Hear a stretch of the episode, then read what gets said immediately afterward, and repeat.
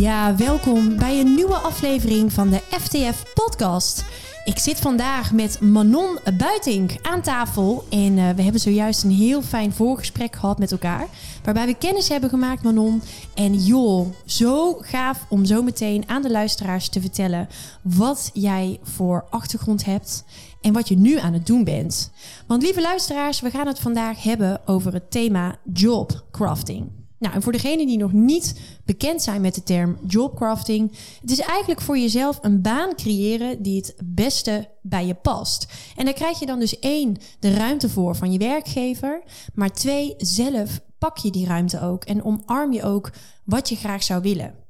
En Manon, ik heb van jou begrepen dat jij het term jobcrafting... Ja. Ik heb bijna zelf uitgevonden. Dat heb jij gewoon uitgevonden. nee, dat is wel echt aan jou besteed hoor. Want als ik weet, hè, we hebben het net een beetje besproken waar jij vandaan komt en uh, waar je nu zit. Hè. Je bent oprichter van een te gekke netwerkclub. Je bent ook docent aan een hogeschool. Uh, maar je bent echt op een hele andere functie begonnen. Dus ik kan niet wachten om dit verhaal te gaan delen met de luisteraars. Dus nogmaals, welkom. Dankjewel. Welkom in onze podcaststudio. Fijn dat je er bent. En uh, ik zou zeggen, brand los. Vertel eens, Manon. Wie ben je? Waar kom je vandaan? En en welke groei heb jij Dat is mijn verhaal. Yes. Ja, heel erg leuk. En allereerst super bedankt voor deze uitnodiging. Ik voelde me wel een beetje vereerd om uh, mijn eerste podcast hier uh, met jullie te mogen opnemen. Leuk. Um, ja, jongens, waar zal ik eens beginnen? Ik ben uh, opgegroeid in een heel klein dorpje in Zeewolde. Mm -hmm. En ik denk zoals veel pubers dachten toen, ik moet naar die grote stad. Ik ga lekker op kamers en ik kom nooit meer terug naar dat dorp. Dus dat heb ik ook lange tijd uh, niet gedaan. Ik heb uh, lekker aan de hotelschool gestudeerd, nog een master in marketing gehaald. En van Den Haag naar Utrecht uh, geëindigd in Amsterdam, daar een aantal jaar gewoond. En met mijn gastvrije achtergrond eigenlijk na mijn studie beland in een functie voor executive assistant. Mm -hmm. Waar ik eigenlijk inrolde, ook omdat ik nog niet zo goed wist wat ik wou. Uh, maar wel ontzettend goed in organiseren. Al mijn vrienden zeiden altijd: Nou, als Manon nou één ding echt heel erg goed kan, dan uh, is het organiseren. Oh, Laat het maar aan haar over. Ja. Dus ik dacht: Goh, dat organiseren, dat gastvrije, dit lijkt me wel een leuke, leuke baan voor mij. En daar eigenlijk zo ingerold. Dat heeft uiteindelijk, uh, nou, ik denk zo'n nou, zeven jaar, zeven, acht jaar heb ik in uh, eenzelfde rol gezeten. Maar van een hele leuke uh, nou ja, uh, hotelgroep ben ik uiteindelijk geëindigd bij een Amerikaanse bank. Mm -hmm. Hele andere omgeving. Ja, andere cultuur ook, denk ik, hè? Een hele andere cultuur. Veel um, hiërarchischer. Um, werken heel veel mannen. Mm -hmm. Het was een afdeling waar nou ja, heel hard werd gewerkt. En ik merkte dat je als assistant daar al gauw in een rol belandde, waar eigenlijk heel erg duidelijk de kaders waren vastgesteld, mm -hmm. maar daarbij eigenlijk ook alle taken die daarbinnen hoorden. En nou, ik denk dat ik na zo'n drieënhalf jaar op een gegeven moment merkte bij mezelf van hé, hey, ik mis iets. Er is iets wat um, ik wel van nature heel erg graag wil, maar wat niet zo goed tot uiting komt op deze vloer. En in plaats van dan meteen weer mijn spullen te pakken en ik dacht, joh, zoek weer even een nieuwe job waar ik dat dan wel in kan vinden, ging ik bij mezelf na van hé, hey, waar zit dat hem nou in? Ja. En in de um, nou ja, in datzelfde jaar ben ik eigenlijk ook een beetje begonnen met mijn eigen persoonlijke ontwikkeling. Tof, heel goed. Ja, vond ik heel erg leuk. En dat was altijd iets wat ik wel miste op, uh, op school. Waar je echt meer met jezelf bezig uh, raakt. Ja. En meer over jezelf te weten komt. En nou, ik had al zo'n drie jaar uh, veel aan persoonlijke ontwikkeling gedaan. En toen dacht ik, ja, wat ik hier heel erg mis, is het contact met mensen, de verbinding leggen met elkaar en een beetje praten met gelijkgestemden. Ja, en daar werd jij je heel bewust van daar. Zeker. Oké. Okay. Ja. En, en ik dacht, ja, ik moest, uh, ik vertelde jou ook, op de heenweg heb ik uh, als stiekem even een paar podcasts van jou geluisterd. zodat ik enigszins was voorbereid. Yes, dan hebben we weer extra views erbij. Dat ja, vind ik heel leuk. Yeah. en uh, ik, ik hoorde de, de podcast van Kevin en hij, hij had het over de dominostenen. Ja. Ja. En het onttikken van de Eiffeltoren. en waar ik op een gegeven moment mee begonnen was, ik dacht ja, als ik die verbinding wil leggen met die assistants of met gelijkgestemden, wat kan ik dan doen? Ik ga eens even een Excel-sheetje openen. Ik tik er gewoon in naam, organisatie, e-mailadres. Met wie heb ik eigenlijk allemaal contact? Ja. En gewoon iedere e-mail die volgde van een secretaresse met wie ik een, een afspraak maakte voor mijn manager. Of, of met wie ik iets moest afstemmen. Die zette ik in dat Excel-sheetje. En eigenlijk had ik al heel gauw na een maand een soort van lijst van 160, 180 namen. Als ik ook de buitenlandse erbij rekende. Want we mhm. ondersteunden vanuit de Benelux. En toen dacht ik, wauw, dit is best wel een flinke lijst. Dus ik met mijn lijst, uh, de, toch de formele weg, wat ik al uh, eerder zei, toch naar het kantoortje van, joh, ik heb een heel erg tof idee. Vond het enigszins spannend om, het, om te pitchen. Ik zei maar, ik mis de verbinding met gelijkgestemden. die heb ik hier niet op de werkvloer. en het lijkt me ontzettend tof om iets te gaan organiseren met assistants waarmee je contact hebt van mhm. allemaal bedrijven waar jij op afspraak gaat. Mhm. En dit is de lijst. En daar was hij wel van onder de indruk. Kan ik me voorstellen. Grote lijst. Ja. En ehm, hij zei, wat wil je dan gaan doen? Ik zei, nou, wat ik heel erg graag wil, is die assistant centraal zetten. Stellen. Want binnen je rol als assistant ben je over het algemeen ontzettend bezig met wat heeft jouw manager nodig? En dat gaat de hele dag door. Ja. Nog voordat hij binnen is. Eigenlijk wil je al binnen zijn nog voordat hij binnen is. Uh, hoe drinkt hij zijn koffie? Ik, het, echt, het gaat in de detail. Maar ook hoe ziet hij graag zijn presentaties? Uh, hoe, hoe ver van tevoren leg je dat klaar? Wat staat er dan in die presentaties? Um, heel veel verschillende dingen. En je bent de hele dag met een ander bezig. En als je eenmaal op die trein zit van die drukke job, ja, dan is soms de vraag: wat wil jij? Ja, maar wat mooi. Dus jouw missie werd eigenlijk het centraal stellen van jouw vak als assistant, van jouw collega's binnen het vak. En hoe was de reactie daarop van die manager? Want daar ben ik wel heel erg benieuwd naar. Ja, die vond het super. Oh, wat die zei zeker doen. Dus zeker jij kreeg de ruimte om dit plan direct uit te gaan voeren. Hij zei: zeg maar wat je wil als budget. Je hebt mijn support. Laat het, uh, het team weten. Zodra het is, uh, akkoord is, kan je wat opzetten. En dat is de start van jouw netwerkclub. Dat was mijn eerste domino-steen. Jeetje. En, um, nou ja, uh, de eerste domino-steen was best wel een grote domino-steen, want ik kreeg een heel mooi budget. En uh, ik huurde een, uh, een mooie locatie in een hotel. Ik mhm. nodigde een heel mooi uh, gerenommeerd ja, agency uit die een persoonlijk ontwikkelings. Ehm, ja, een stuk met ons opzetten. Mm En hier stond eigenlijk centraal het thema: wat is jouw talent als executive assistant en hoe kan je dat nou nog beter inzetten in jouw rol? Ja. De eerste uitnodigingen gingen uit. Ik was nog redelijk bescheiden. Ik dacht, ik hoop dat ik er 20 heb. En uiteindelijk had ik bijna 70 aanmeldingen. en toen dacht ik, hoe gaan we dit oh, doen? Ja, wat mooi. Er bleek ontzettend veel animo voor te zijn. Wat cool. Dus iedereen wilde gewoon ook die verbinding. Dus jouw missie, Zeker. Die, die heb jij ontzettend feilloos aangevoeld eigenlijk. Ja. En uh, daardoor heel veel animo voor jouw eerste netwerkmoment uh, eigenlijk, hè? Zeker, ja. Binnen de club. Alright, wat gaaf. En toen? Heel gaaf. Ja, prachtige dag gehad. Um, viel ontzettend goed bij, uh, bij alle genodigden die uiteindelijk gekomen waren. Ja. Uh, leuke samenwerkingen ook met andere bedrijven met wie ik natuurlijk regelmatig contact had. Mm -hmm. um, het waren voornamelijk de assistants van beursgenoteerde bedrijven. Um, en ja, daarna kregen we corona. Mm.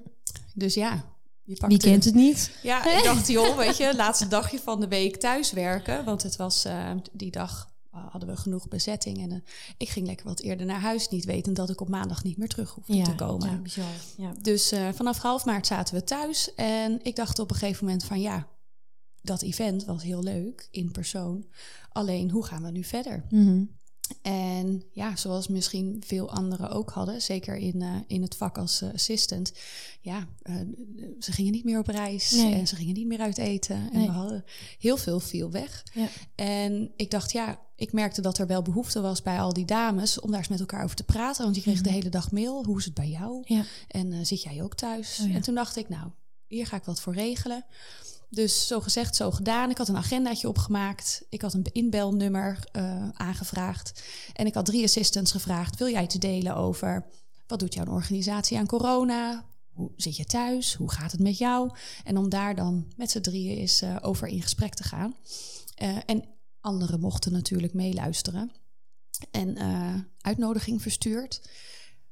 60 dames belden in. Mm, nou, wat tof. Echt superleuk om, om te zien dat er gewoon zoveel animo voor was. Dus, uh, maar ja, nog met een inbelnummertje. Niemand die kon elkaar zien. Vriendelijk vragen of iedereen op mute wil zetten. Mm. Je voelde jezelf even, weet je wel, zelf soort van manager van, je, eigen, van je eigen netwerkclub. Um, dus dat was heel gaaf om te merken dat mensen er zo'n behoefte hadden aan die verbinding. Ja.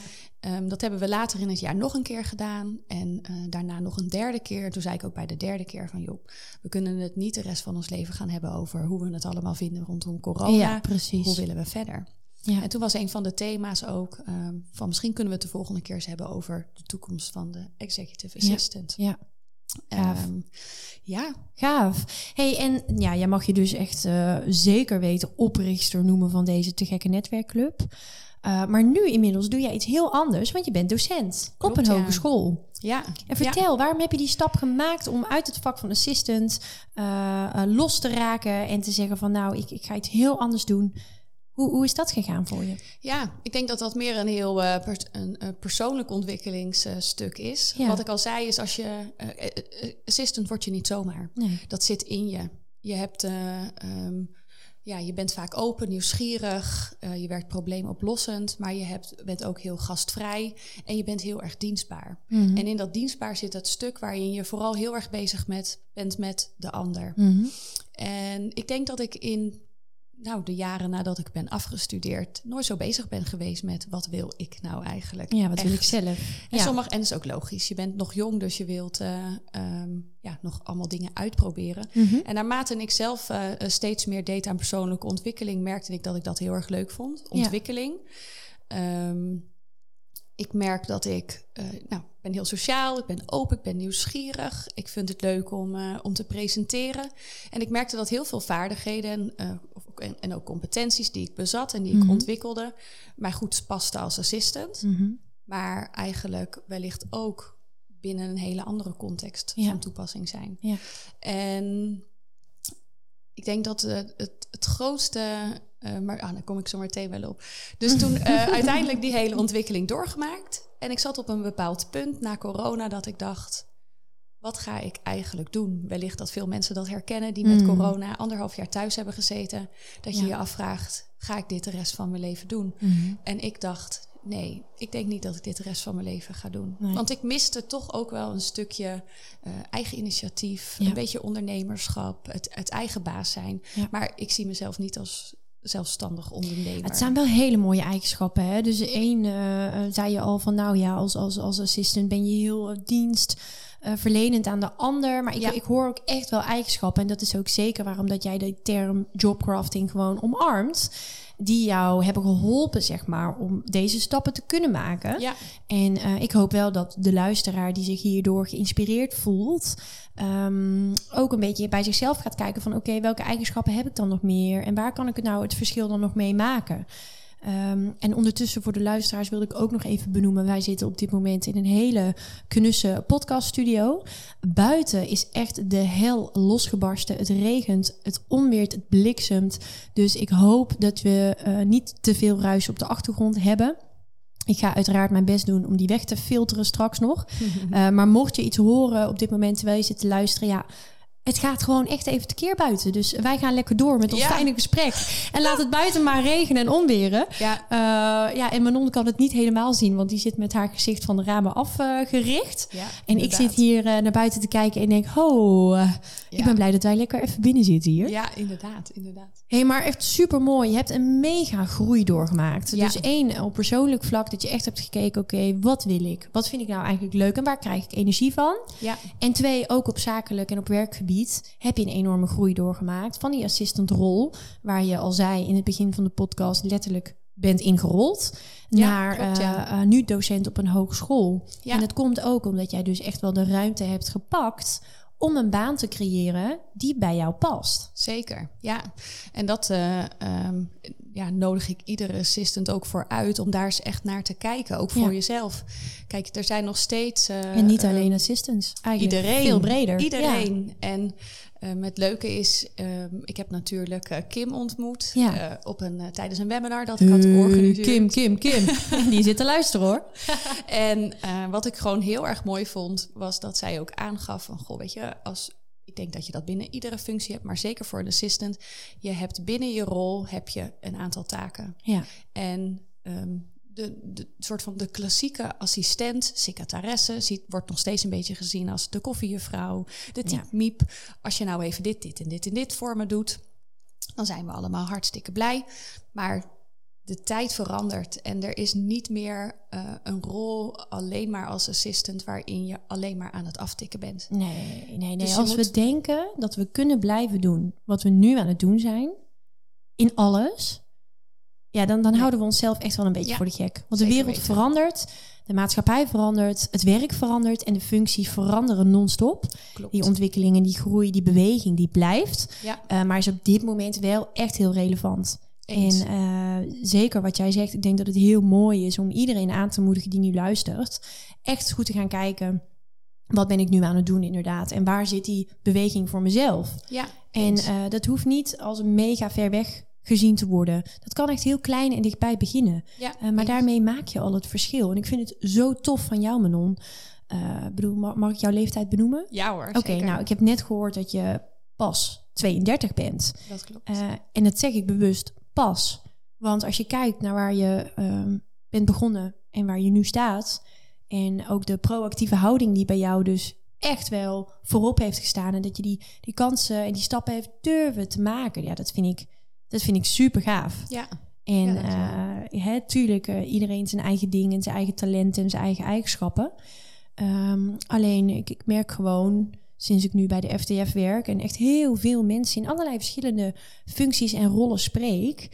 Ja, we vergeten gewoon af en toe waar ons talent zit. Ja. En we worden opgeslokt door de, inderdaad de taken die de hele dag voorbij vliegen. ja. Daar zijn we heel druk mee en dat leveren we graag. En oh, maar we vergeten echt waar we het verschil mee kunnen maken. ja.